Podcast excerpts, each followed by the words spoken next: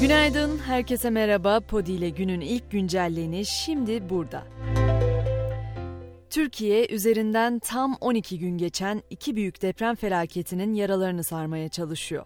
Arama kurtarma çalışmalarında açıklanan son verilere göre can kaybı 38.044, yaralı sayısı ise 108.068'e yükselmiş durumda. Aslında gerçek umut insanlara başlarına yıkılmayacak evler inşa etmek ama umutların tükendiği enkazlardan hala sağ çıkarılanların olması tutunabildiğimiz tek dal şu anda. Belki de o yüzden mucize diye tanımlıyoruz onları. Kahramanmaraş'ta 258. saatte bir, Antakya'da da 260. saatte bir, 261. saatte de iki kişi enkazdan sağ çıkarıldı. Dün enkazdan 248 saat sonra sağ çıkarılan 17 yaşındaki Aleyna Ölmez de Ankara'da tedavi altında Aleyna'nın durumunun iyi olduğu açıklandı.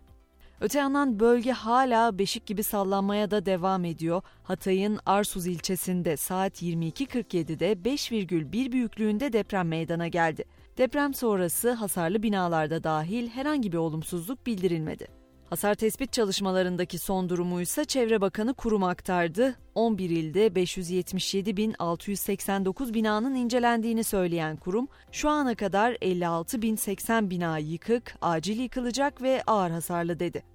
Deprem bölgesinde yıkılan inşaatlarla ilgili hukuki süreç de sürüyor. Hakkında işlem yapılan 245 şüpheliden 54'ü tutuklandı, 27 kişi gözaltında, 7 kişi de aranıyor. Diyarbakır'da haklarında yakalama kararı bulunan iki müteahhidin ise kendi yaptıkları binalarda yaşamını yitirdiği ortaya çıktı. Hazır hukuk başlığını açmışken Anayasa Mahkemesi'nin de OHAL ilan edilen afet bölgelerinde bireysel başvuru süresinin 3 ay boyunca durdurulmasına karar verdiğini aktarayım. Başvuru süresi 7 Nisan itibariyle işlemeye başlayacak. Depremlerde ağır yara alan Adıyaman'da da kent merkezinin bir bölümü başka yere taşınıyor. Kentin kuzeyindeki dağlık alanda 30 bin yeni konut inşa edilecek. Elbette sadece kentler taşınmıyor, bölgeden büyük bir insan göçü de var. Depremzedeler daha güvenli buldukları Konya, Karaman, Niğde ve Ankara'yı tercih ediyor ama başkentte de kiralar çoktan iki katına çıkmış durumda.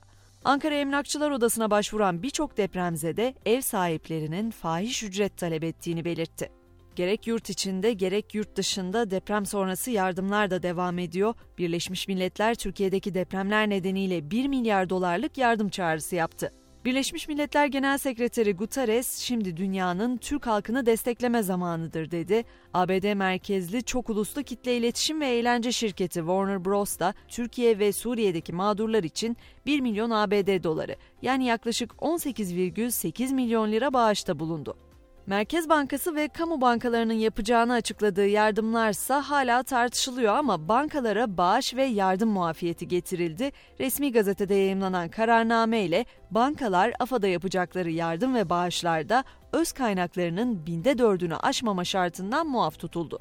İş Bankası'ndan sonra Garanti BBVA da afet bölgesinde hayatını kaybedenlerin kredi ve kredi kartı borçlarının silineceğini bildirdi. Banka AFA'da da 650 milyon liralık bağış yaptıklarını duyurdu. Spor dünyasına geçmeden önce İzmir'de 16-19 Mart'ta düzenlenmesi planlanan Teknofest'in de deprem felaketi nedeniyle ileri bir tarihe ertelendiğini belirteyim. Yeni tarih daha sonra belirlenecek. Gelelim spor dünyasına, ülke sporunun deprem felaketinde verdiği acı kayıpların sayısı artıyor. Hatay kadın voleybol takımından 4 sporcu, Gözde Öztürk, Dilek Mucuk, Ahsen Baş ve İrem Kurtoğlu'nun cansız bedenlerine ulaşıldı. Dün akşama dönecek olursak Trabzonspor UEFA Konferans Ligi playoff turu ilk maçında konuk ettiği İsviçre ekibi Bazel'i 1-0 yendi. Trabzonsporlu futbolcular galibiyeti getiren golün ardından yedek kulübesinden aldıkları Türk bayraklı formayı açarak birliktelik mesajı verdi. Deprem felaketinin ardından Türkiye'de oynanan ilk resmi karşılaşmayı Süper Lig kulüplerinin başkanları birlikte izlerken farklı takım taraftarları da tribünlerde Bordo Mavili ekibe destek verdi. Bilet gelirinin depremzedelere bağışlandığı bu maçın rövanşı 23 Şubat'ta İsviçre'de oynanacak. Son olarak bu sabahın çok konuşulan iki diğer haberinden de söz etmek istiyorum. ABD Başkanı Biden düşürülen tanımlanamayan hava cisimleriyle ilgili konuştu. Biden son üç nesnenin Çin'in casus programları ile ilgili olmadığını söyledi. YouTube'un CEO'su Susan Wojcicki aile, sağlık ve kişisel projelerini gerekçe göstererek istifa etti. Wojcicki'nin yerini yardımcısı Neil Mohan'ın alacağı açıklandı. Ve güncelleni 2-3 gündür sosyal medyada da sık sık karşımıza çıkan Eduardo Galeano'nun vicdanıyla noktalayalım istiyorum. Bir kez de ben o sözleri sesle aktarayım duymayanlar için. Hayırseverliğe inanmıyorum. Dayanışmaya inanıyorum. Sadaka dikeydir. Yukarıdan aşağıya doğru gider. Dayanışma yataydır. Diğer kişiye saygı duyar. Ben Gizem, akşam 18'de yine buradayım. Görüşünceye kadar şimdilik hoşçakalın.